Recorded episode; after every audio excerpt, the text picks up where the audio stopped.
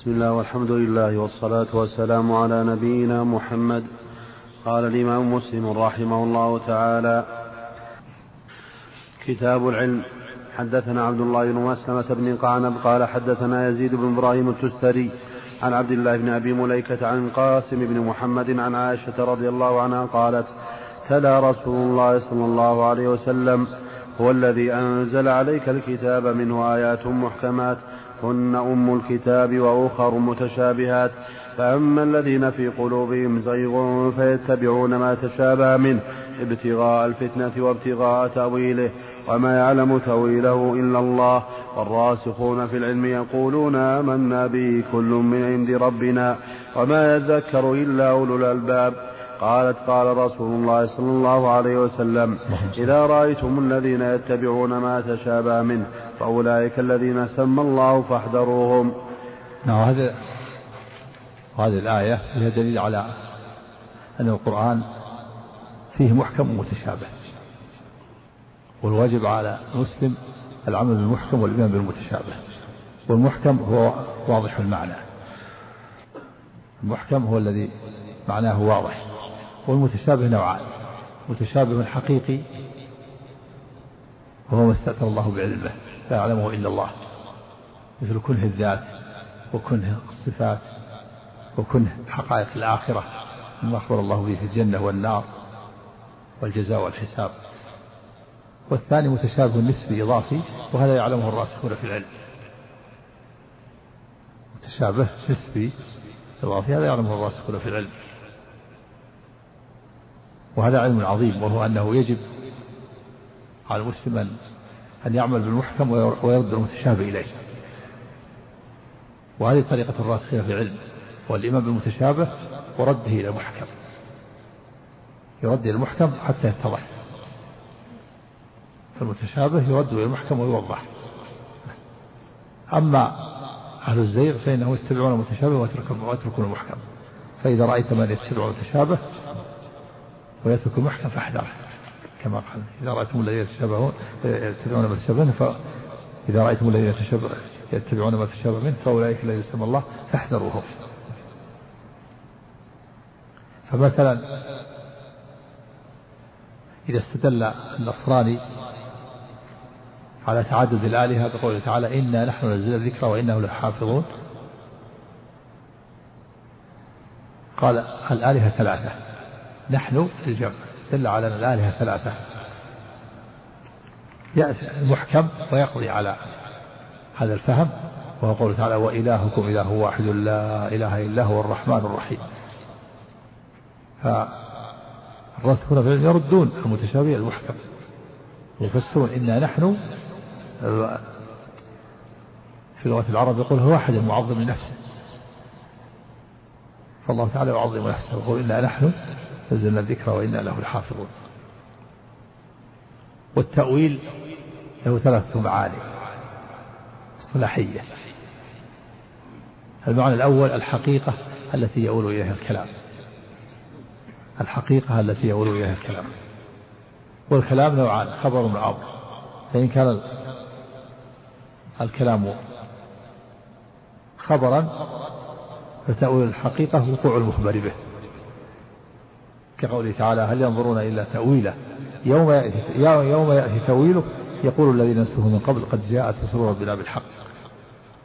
يعني يوم يقع تأويله وهو يوم القيامة.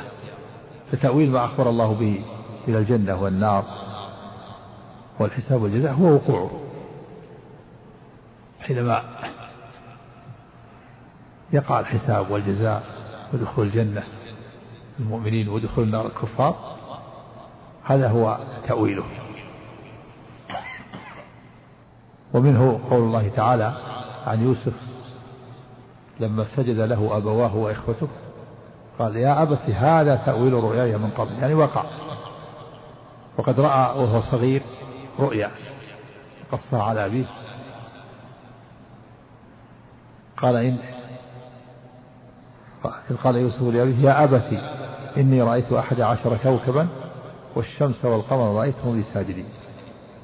ثم وقع تأويل الرؤيا بعد ثلاثين سنة أو بعد أربعين سنة.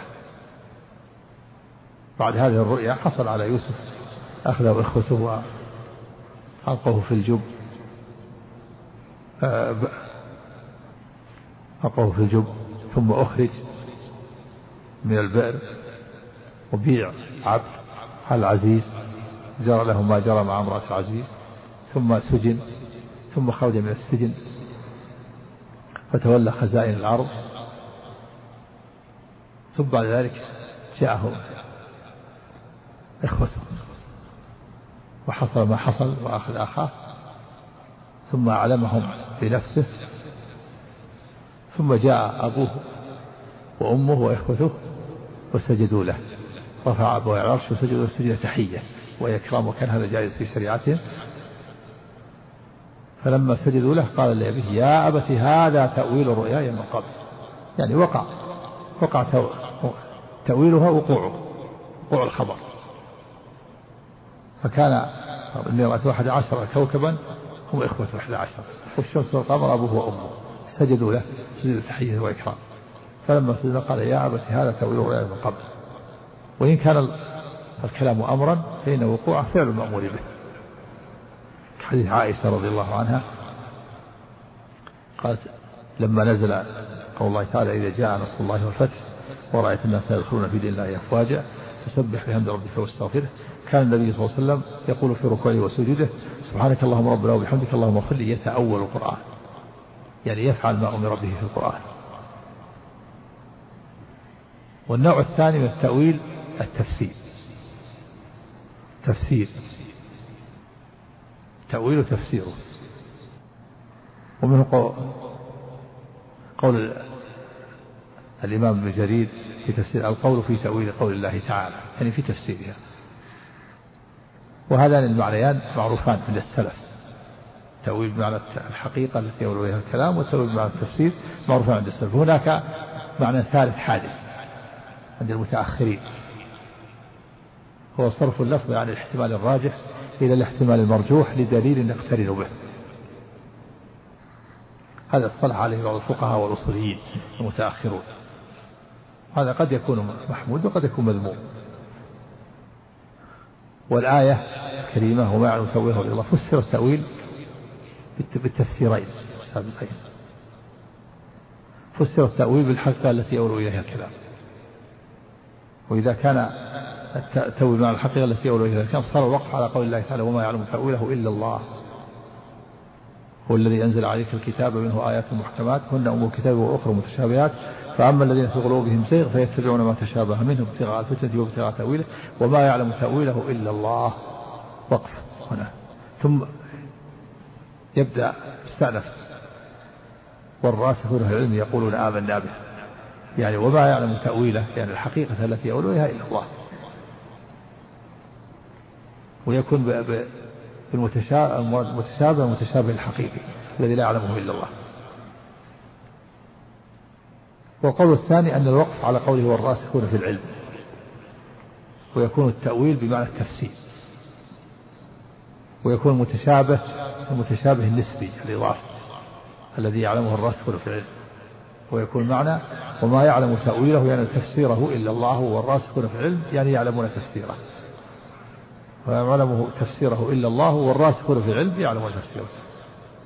ويكون الوقف على قول في العلم وما يعلم تأويله إلا الله والراسخون في العلم. يقولون آمنا به. وعلى القول الأول تكون الواو مستأنفة. والراسخون مبتدأ ويقول الخبر. وعلى القول الثاني تكون الواو عاطفة. والراسخون يقولون يقولون جملة حالية. حالة كونهم يقولون. نعم. قوله إذا رأيتم الذين يتبعون ما تشابه منه نعم. ولكن الذين سمى الله يدخل في ذلك المنافقون وأهل البدع. نعم. الذين يتبعون المتشابه. ويتركون أهل هم أهل الزيغ. هم أهل الزيغ والانحراف. فأما الذين في قلوبهم زيغ عن الحق من أهل البدع وأهل النفاق وغيرهم. نعم. حدثنا أبو كامل فضيل بن حسين الجحدري قال حدثنا حماد بن زيد قال حدثنا أبو عمران الجوني قال كتب إلي عبد الله بن رباح الأنصاري أن عبد الله بن عمرو رضي الله عنه قال هجرت إلى رسول الله صلى الله عليه وسلم يوما قال فسمع أصوات رجلين اختلفا في آية فخرج علينا رسول الله صلى الله عليه وسلم يعرف في وجهه الغضب فقال إنما هلك من كان قبلكم باختلافهم في الكتاب. حدثنا يحيى بن يحيى قال أخبرنا هذا تحذير من الاختلاف في الكتاب. واختلاف الكتاب نوعان اختلاف في تنزيله واختلاف في تأويله. اختلاف في تنزيله. وأهل الحق على أن القرآن كلام الله منزل وغير مخلوق. وأما أهل البدع اختلافهم اختلاف مع أهل السنة اختلاف تضاد. فيقولون إن كالمعتزلة يقولون القرآن مخلوق وأنه غير منزل. وهذا كفر وضلال نعوذ بالله. والأشاعرة يقولون القرآن هو المعنى دون اللفظ وأما الألفاظ والحروف هذه مخلوقة. من تأليف جبريل أو تأليف محمد عليه الصلاة والسلام. واختلاف في تأويله. والتأويل كما سبق يكون تأويل عليه دليل يكون باطل ويكون عليه دليل يكون تأويل ليس عليه دليل فيكون باطل. رحمك الله. ويكون تأويل عليه دليل هذا يكون حق. نعم.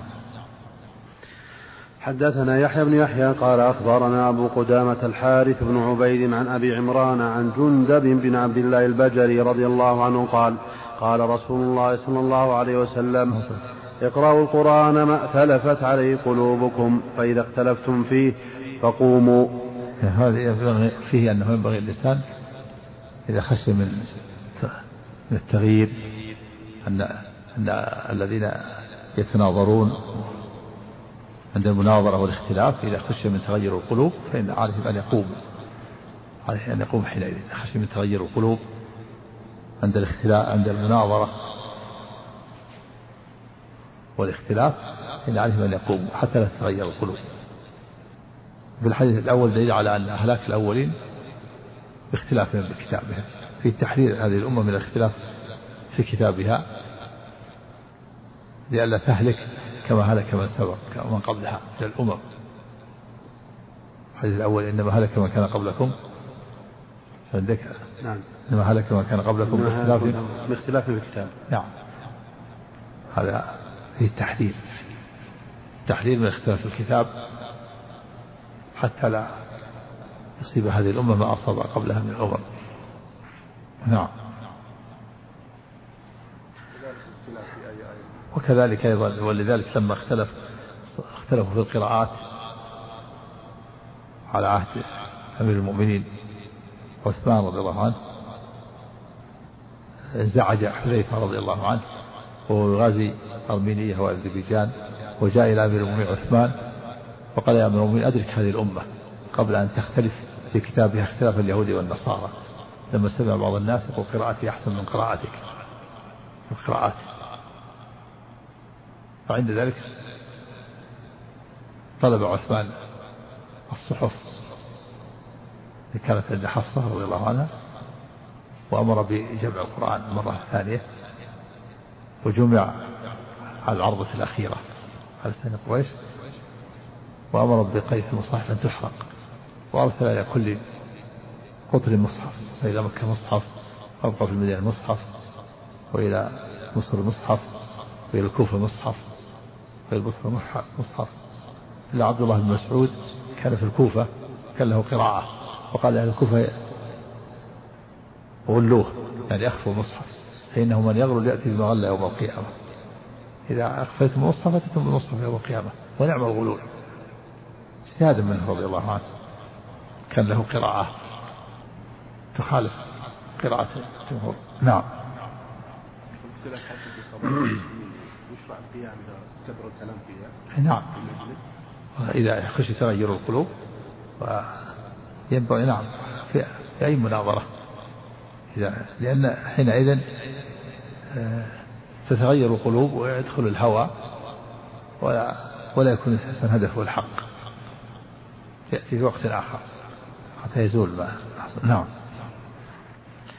حدثني إسحاق بن منصور قال أخبرنا عبد الصمد قال حدثنا همام قال حدثنا أبو عمران الجوني عن جندب بن عن جندب يعني بن عبد الله رضي الله عنه أن رسول الله صلى الله عليه وسلم قال اقرأوا القرآن ما ائتلفت عليه قلوبكم فإذا اختلفتم فقوموا.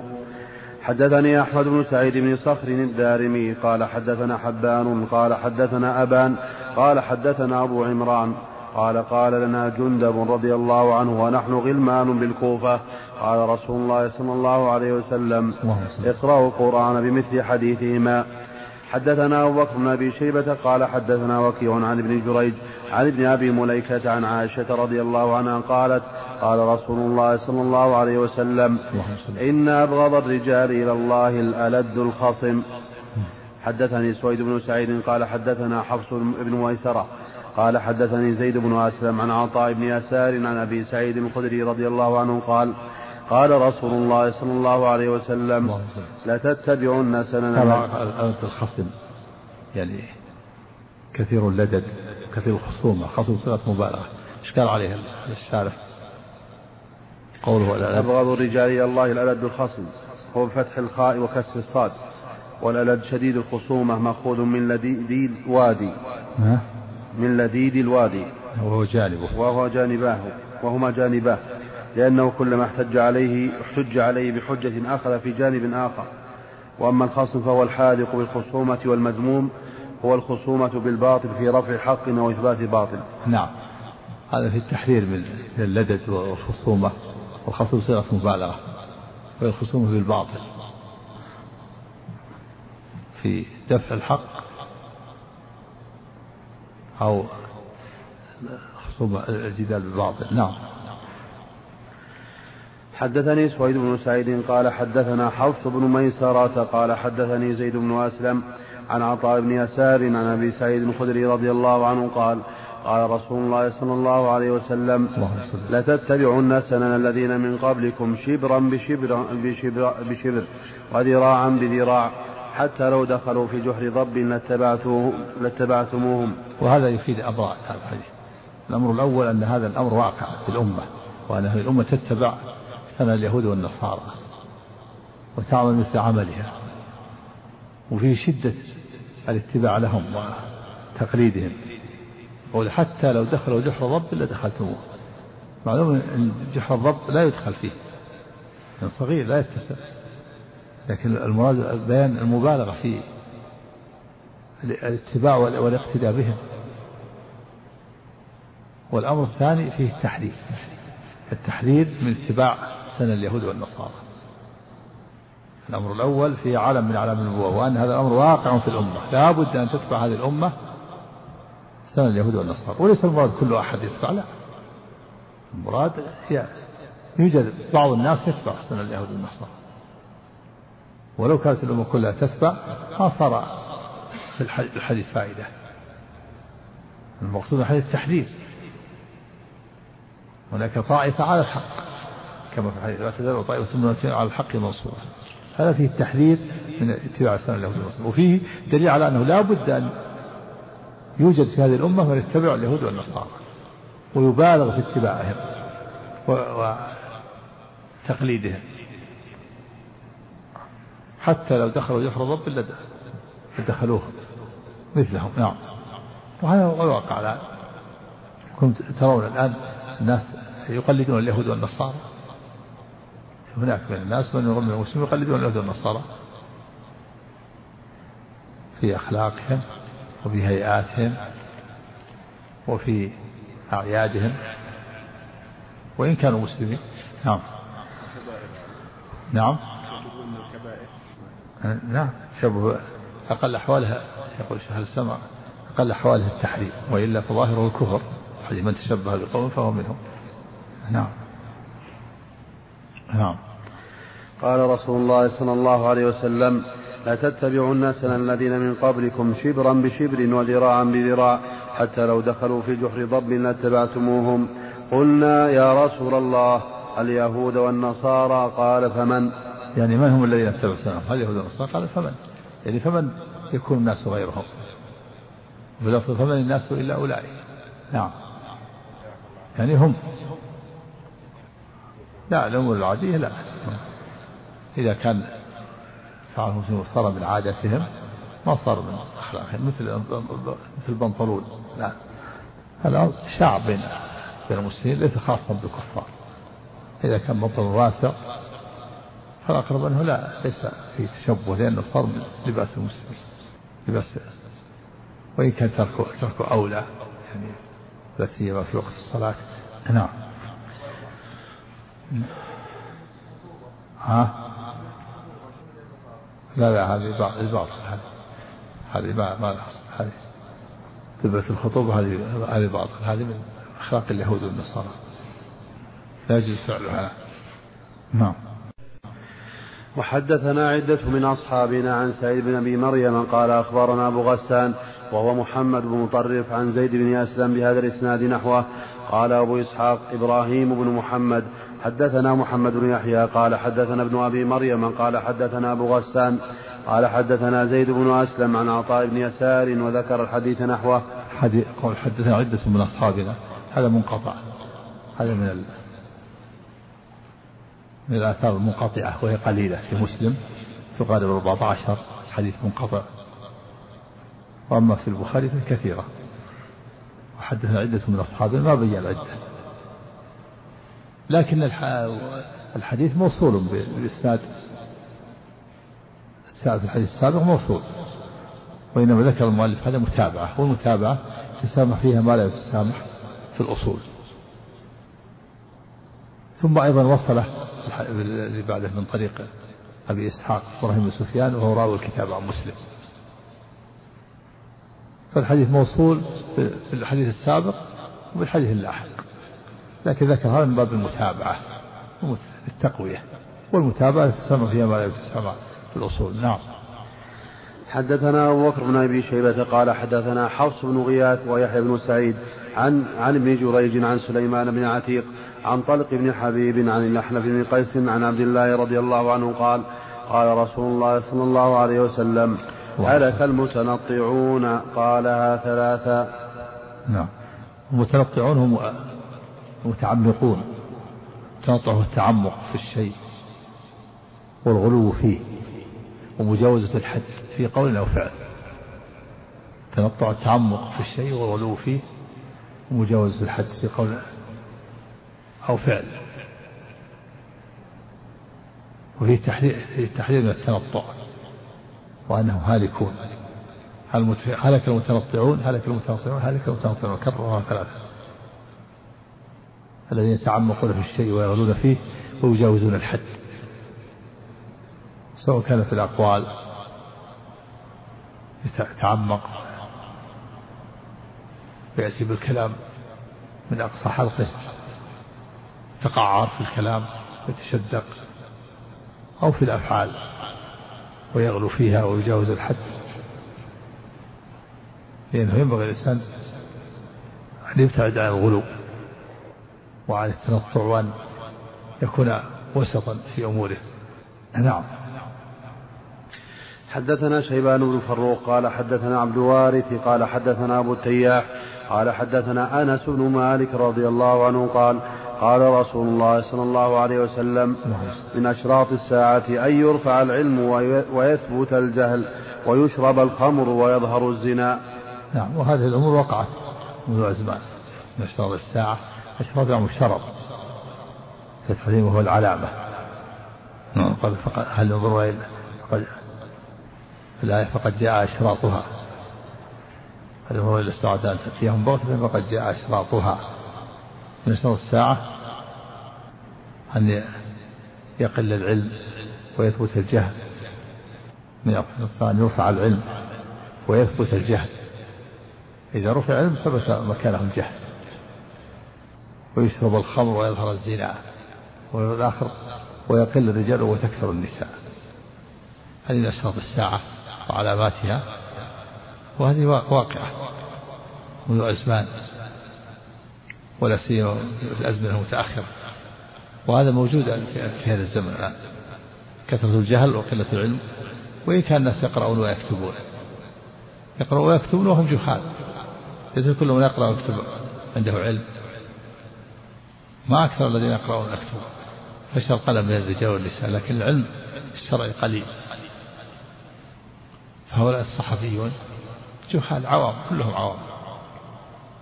إلا من كان عنده شيء من تعلم تبصر. ولو كانوا يكتبون في الصحافة يكتبون في المجلات يكتبون في الشبكات كل جهل وصفهم الجهل إلا من تعلم وتبصر. بعض الناس يظن أن أن العلم هو الكتاب والذي يكتب يرتفع عنه الجهل. لا ما يرتفع عنه الجهل. يكون وصف الجهل ولو كان يكتب ويقرأ. نعم. فيه تحذير تحذير من من هذا الزنا ومن شرب الخمر وفيه الحث على طلب العلم حتى يرفع عن نفسه الجهل. نعم. حدثنا محمد بن مثنى وابن بشار قال حدثنا محمد بن جعفر قال حدثنا شعبة سمعت قتادة يحدث عن أنس بن مالك رضي الله عنه قال ألا أحدثكم حديثا سمعته من رسول الله صلى الله عليه وسلم؟ لا يحدثكم أحد بعدي سمعه لا يحدثكم أحد بعدي سمعه منه. إن من أشراط الساعة أن يرفع العلم ويظهر, ويظهر الجهل ويفشو الزنا ويشرب الخمر ويذهب الرجال وتبقى النساء حتى يكون لخمسين امرأة قيم واحد. نعم وهذا قال أنس لا يحدثكم أحد بعدي لأنه طالت حياته رضي الله عنه حتى جاوز المئة. ولم يبقى أحد قد يكون ما بقي أحد من الصحابة في الكوفة ولهذا قال لا يحدث أحد بعدي. حين من الساعة أن يرفع العلم وأن يظهر الجهل. فإذا قل العلم أو رفع العلم ثبت الجهل مكانه الجهل وفشى. ويشرب الخمر ويظهر الزنا وتكثر الرجال وتكثر النساء ويقل الرجال حتى يكون لخمسين امرأة قيم واحد. هذا في آخر الزمان. إذا كثرت الحروب أكلت الرجال. وبقيت النساء. حتى يكون خمسين امرأة قيم واحد يلوذن به. ومعلوم أن هذه الكثرة كثرة النساء قد قد يكون هذا القيم لا يستطيع أن يلاحظ هذه الكثرة من النساء ولهذا يكثر الزنا.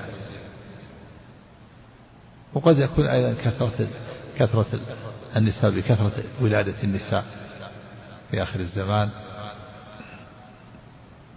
والحروب تقضي على الرجال وتبقى النساء. نعم. في آخر الزمان حروب كثيرة. والآن ليس قل هناك بلد إلا يكون فيه في قتل قتال.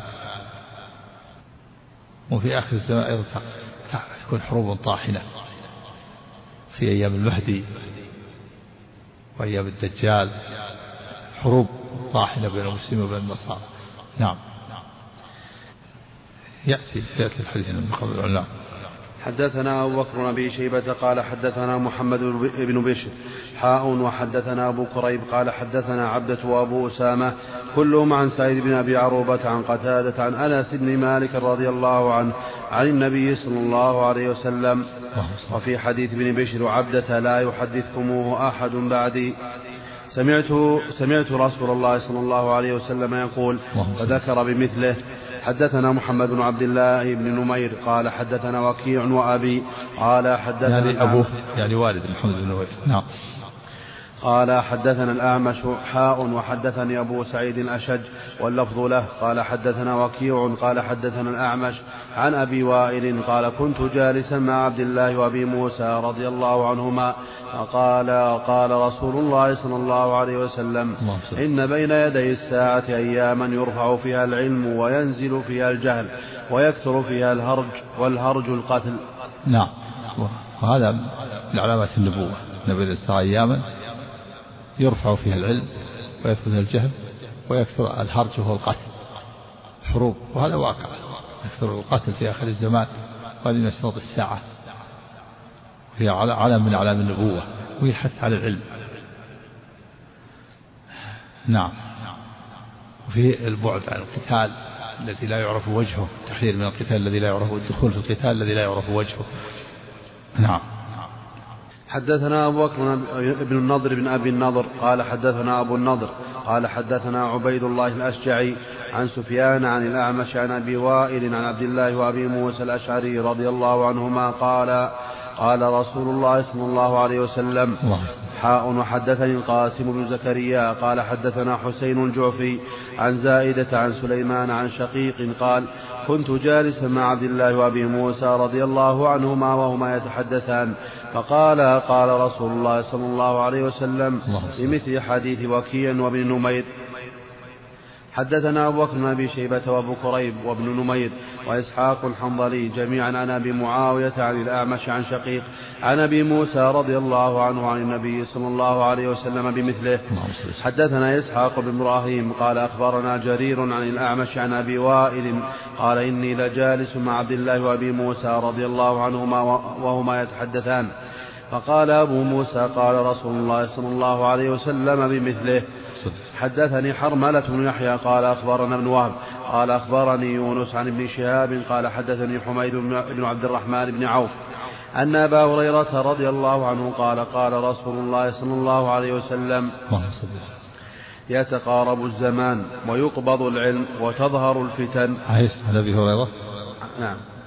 أن أبا هريرة رضي الله عنه قال قال رسول الله صلى الله عليه وسلم يتقارب الزمان ويقبض العلم وتظهر الفتن ويلقى الشح ويكثر الهرج. قالوا وما الهرج؟ قال القتل. لا حول ولا قوة. كل هذا من علامة النبوة. ويتقارب الزمان. اختلف العلماء في معنى يتقارب الزمان. فقيل معنى يتقارب الزمان المراد يتقارب الزمان اعتدال الليل والنهار.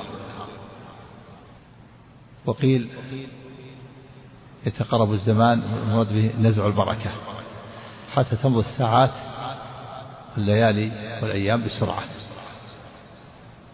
إذا مضت بسرعة تقرب الزمان قرب هذا الزمان من الزمان من أوله. وقيل المراد بها أيام السرور فإن أيام السرور تنقضي بسرعة.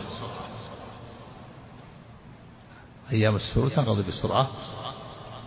يقرب زمان أولها من آخرها. وقيل يقرب الزمان من يوم القيامة. والعلماء فسروا هذا في زمانهم. وأقرب الأقوال التي فسروها أن المراد نزع البركة. لكن حدث في هذا الزمان المراكب الجديدة من الطائرات والسيارات والقطارات. والسفن البحرية التي تقطع المسافات في وقت قصير. تقطع مسافات الشهور والأعوام ساعة وساعات قليلة. فالأقرب والله أعلم أن المراد بتقارب الزمان قطع المسافات البعيدة بزمن قصير. فيقرب الزمان. في في ساعة قليلة ينتقل الإنسان من المشرق إلى المغرب. هذا قطع الزمان قطع الزمان. بقي بن مخلد جاء إلى الإمام أحمد رحمه الله في العراق سافر من المغرب وقطع المسافة في سنتين سنتين ومسافر سنتين كاملتين. فلما جاء وجد الإمام أحمد يجد أطلب العلم وجده مسجون. سجين. قال إنا لله وإنا إليه راجعون. سجين؟ سنتين؟ سجين؟ كيف أعمل؟ وجاء وزاره. زاره وقال إني أريد أن آخذ عنك الحديث. قال مثل ما تشوف الآن. مسجون ولكن تأتي في كل يوم كأنك شحات. وأقضي عليك حديث حديثين. هذا قطع المسافات في سنتين الآن تقطع الآن في ساعة. واحد مسافة. هذا تقارب الزمان. والعلماء السابقون ما كان يدور في خلدهم مثل المخترعات الحديثة ولا كان يحلموا بمثل هذا. ولو وقع في زمانهم هذا لفسروا بتقارب الزمان بقطع المسافات الطويلة في بزمن قصير. تقارب الزمان. وأحسن ما فسر العلماء السابقون أنه نزع البركة. جاء في حديث الترمذي أنه تكون الساعة تكون السنة كالشهر والشهر كالأسبوع والأسبوع كاليوم واليوم ك... كاحتراق السعفة. قال هذا في دليل على نزع البركة. لكن ما حدث الآن من المراكب الجديدة التي مخترعات الحديثة التي تقطع المسافات في زمن قصير يتبين فيه تقارب الزمان. تقارب الزمان. يتقارب الزمان ويرفع العلم ويثبت الجهل ويلقى الشح. يعني يلقى في القلوب. يلقى الشح. يوضع. يلقى ويلقى والشح هو أسوأ البخل. الشح هو أسوأ البخل. وهو الحرص. مع الحرص مع منع الواجب. الحرص على جمع المال من حلال وحرام من كل طريق ولو من طريق الزنا أو السرقة أو القتل ثم البخل بالواجب ومنع الواجب. ولهذا جاء في الحديث اتقوا الشح فإن الشح أهلك من كان قبلكم. حملهم على أن سفكوا دماءهم واستحلوا محارمهم. والله تعالى يقول في الكتاب العظيم ومن يوق شح نفسه فأولئك هم المفلحون.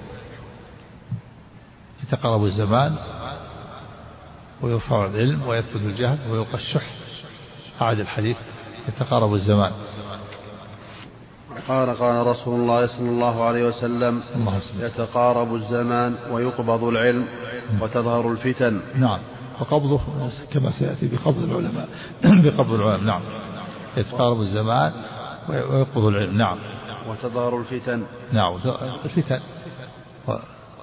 وهذا واقع الآن فتن الكثيرة فتن الشبهات فتن الشهوات فتن الحروب. الشبهات فتن تصد الإنسان عن دينه. شبهة.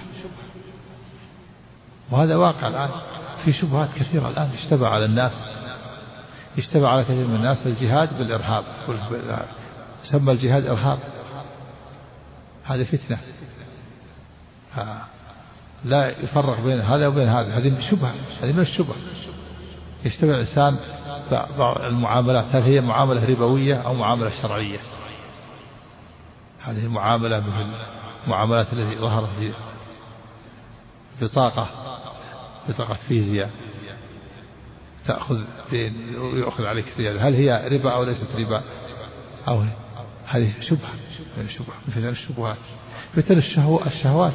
ما فتح على الناس الآن من الشرور من القنوات الفضائية من الدش وغيرها.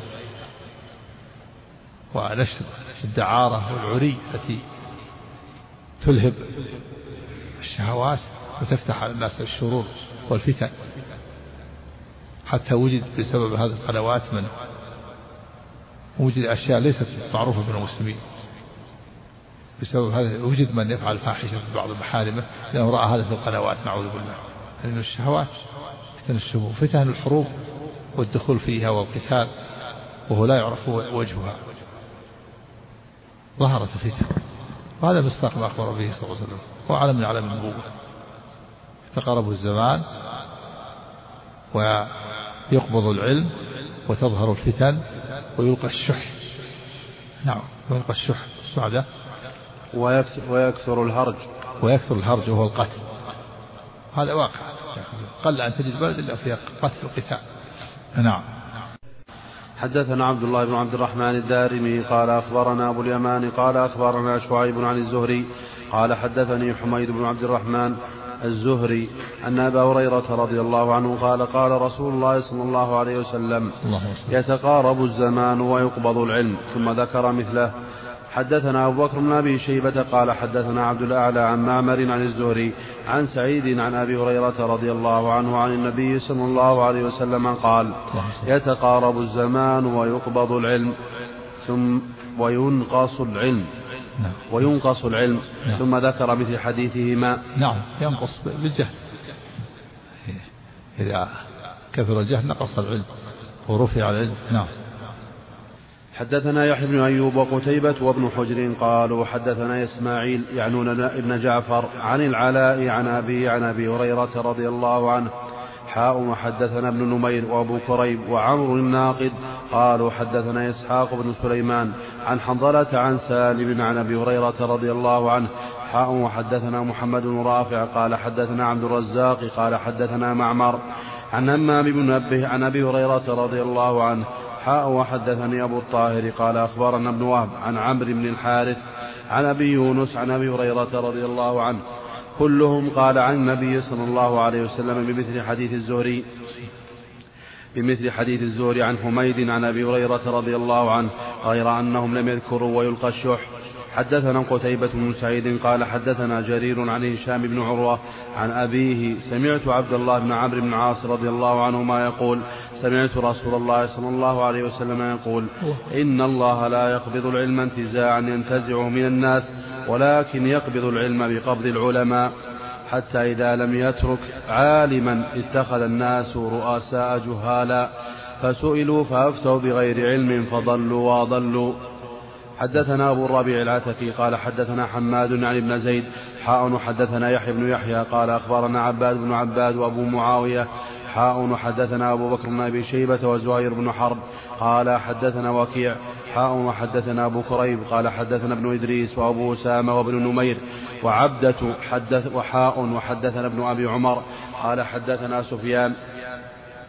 حاء وحدثني محمد بن حاتم قال حدثنا يحيى بن سعيد حاء حدثني أبو بكر بن نافع قال حدثنا عمر بن علي حاء حدثنا عبد بن حميد قال حدثنا يزيد بن هارون قال أخبرنا شعبة بن حجاج كلهم عن هشام بن عروة عن أبي عن عبد الله بن عمرو بن عمرو رضي الله عنهما عن النبي صلى الله عليه وسلم بمثل حديث جرير وزاد في حديث عمر بن علي ثم لقيت عبد الله بن عمرو.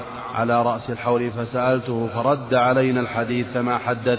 قال سمعت رسول الله صلى الله عليه وسلم يقول حدثنا محمد بن مثنى قال حدثنا عبد الله بن حمران عن عبد الحميد بن جعفر قال أخبرني أبي جعفر عن عمر بن الحكم عن عبد الله بن عمرو بن العاص رضي الله عنهما عن النبي صلى الله عليه وسلم صلى الله عليه وسلم بمثل حديث هشام بن عروة حدثنا حرملة بن يحيى التجيبي قال أخبرنا عبد الله بن وهب قال حدثني أبو شريح قال أن أبا الأسود حدثه عن عروة بن الزبير قال قال قالت قال قالت لعائشة يا ابن أختي بلغني أن عبد الله بن عمرو ما مار مار بنا إلى الحج فألقه فسائله.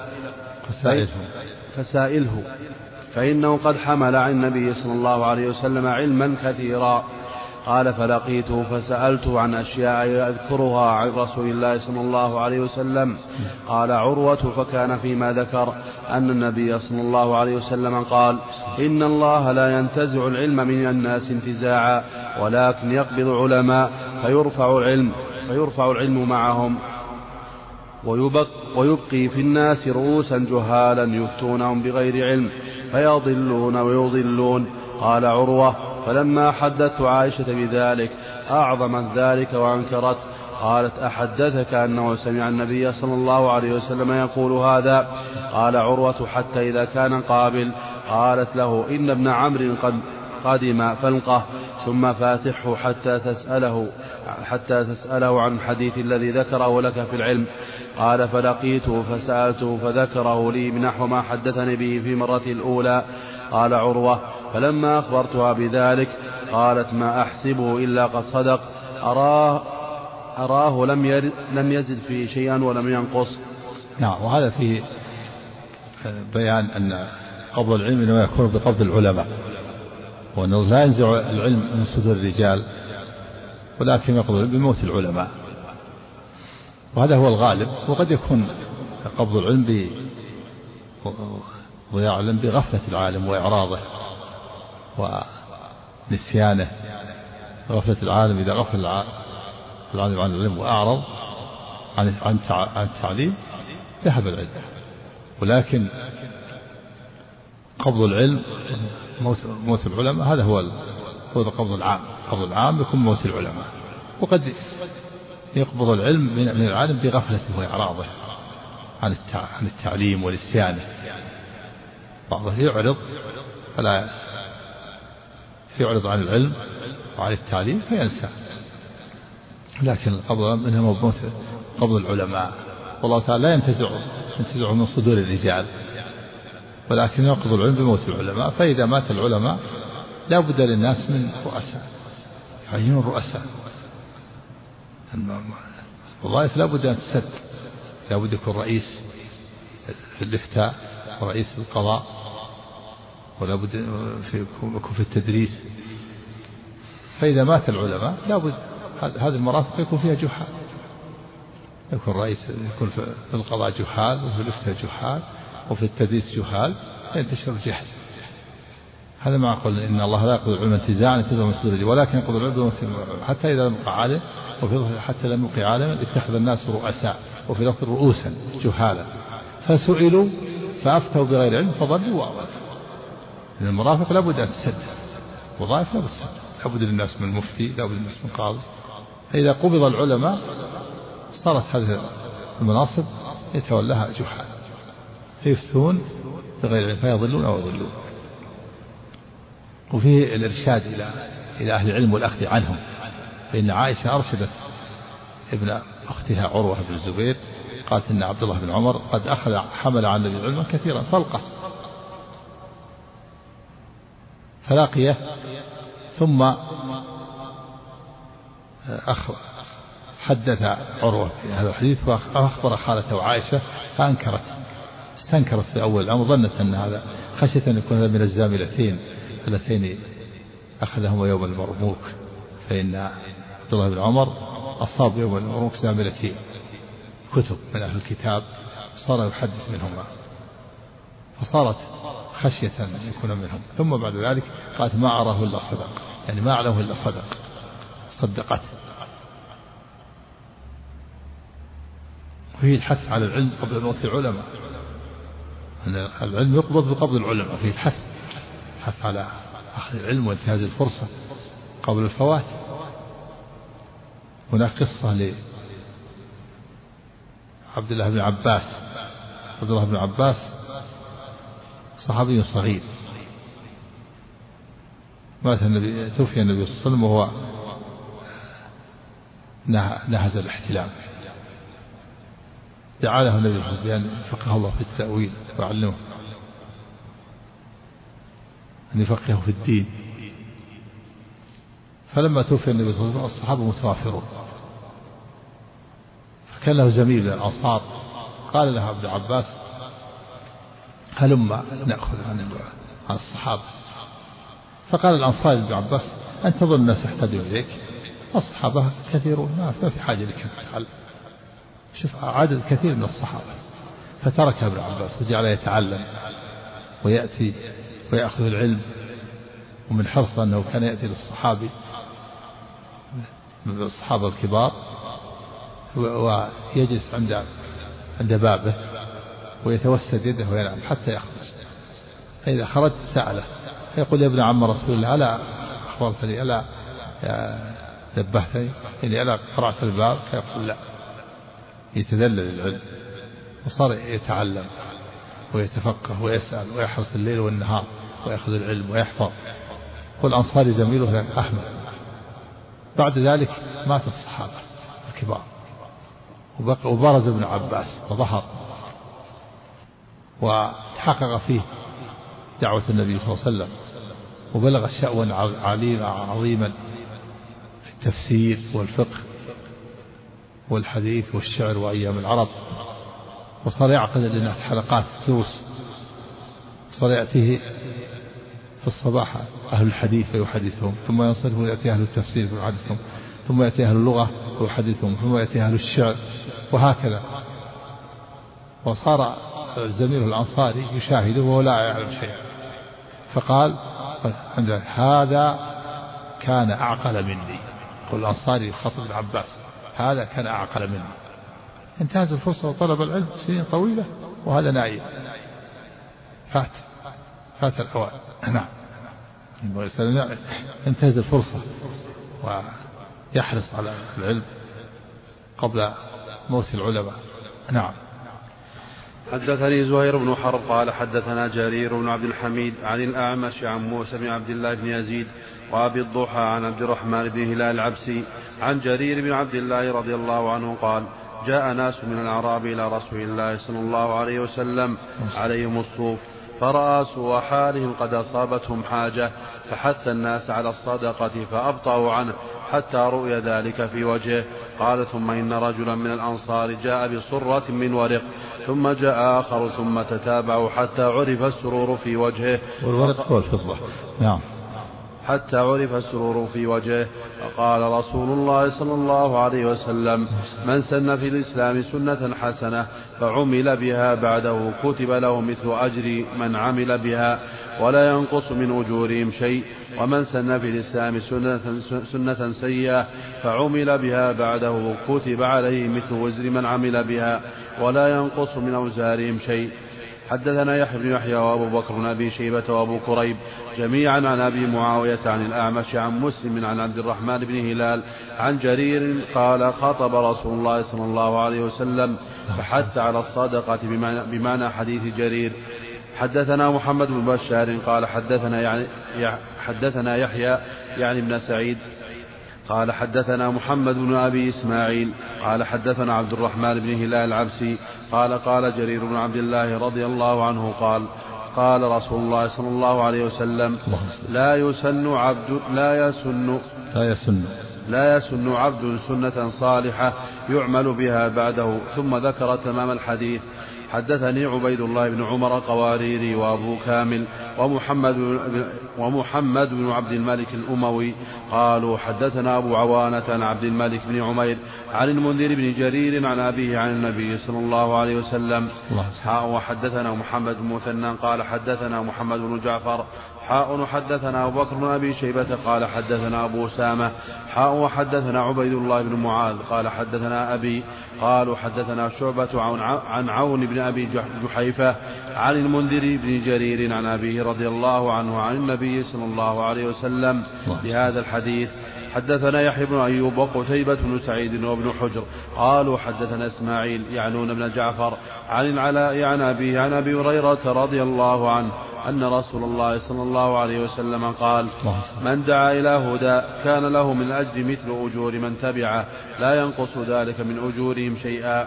ومن دعا إلى ضلالة كان عليه من الإثم مثل آثام من تبعه لا ينقص ذلك من آثامهم شيئا. نعم وهذان الحديثان حديث جرير وحديث أبي هريرة فيما الحث على فعل السنن والتحذير من البدع. وفيه أن من سن سنة في الإسلام سنة حسنة فعمل بها كان له من الأجور مثل أجور من تبعه من الناس من غير ينقص ذلك من أجورهم شيئا. ومن سن في الإسلام سنة سيئة فعمل بها من بعده فعليه وزرها وزر من عمل بها إلى يوم القيامة من غير أن ينقص من أوزارهم شيء. ومن ذلك من السنن السيئة ما حصل من ابن آدم. قابيل حينما قتل أخا هابيل هذا سنة في الإسلام سنة سيئة. هو أول من سن القتل. ولذلك جاء في الحديث لا تقتل نفس ظلما إلا كان على ابن آدم الأول كفل من دمها. لأنه أول من سن القتل والمراد بقول سن سنة حسنة المراد المبادرة إلى فعل السنن والحث عليها والدعوة إليها والعمل بها ونشرها بين الناس. وليس المراد إحداث البدع المراد إحياء السنن.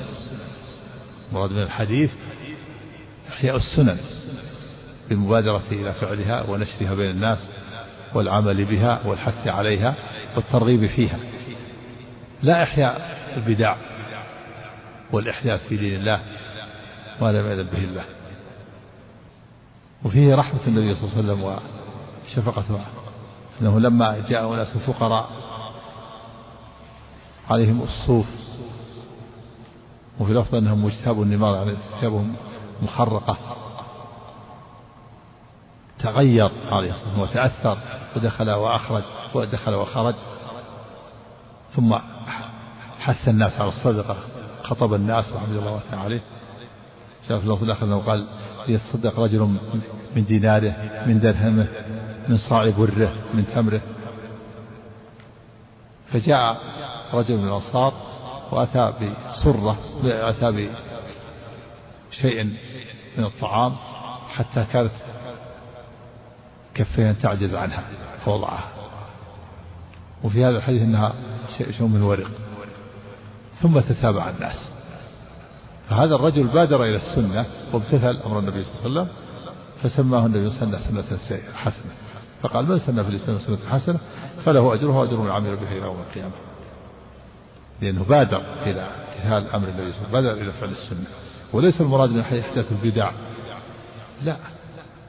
بل المراد مبادرة إلى فعل السنة ونشرها وحث الناس عليها وإظهارها ونشرها بين الناس. فهذا الرجل بادر في النبي فلما بادر تتابع الناس واقتدوا به. فصار هذا يأتي بصورة كذا من كسر من خبز وهذا يأتي من تمر وهذا يأتي من ورق وهذا حتى وهذا يأتي بثياب. في الحديث الآخر حتى اجتمع عند النبي صلى الله عليه وسلم شيء كومين من طعام وكذا. فتهلل وجه النبي صلى الله عليه وسلم واستنار كأنه مذهبة المقصود وكذلك الحديث الثاني من دعا إلى هدى كان له من الأجر مثل أجر من تبعه لا ينقص ذلك من أجرهم شيئا. ومن دعا إلى ضلالة كان عليه من الوزر مثل من تبعه لا ينقص ذلك من أوزارهم شيئا. فالحديثان ظاهران في أن المراد في سن السنة نشر السنن وإحياؤها والدعوة إليها والعمل بها والحث عليها وليس المراد الإحداث في دين الله ما لم يأذن به الله. نعم.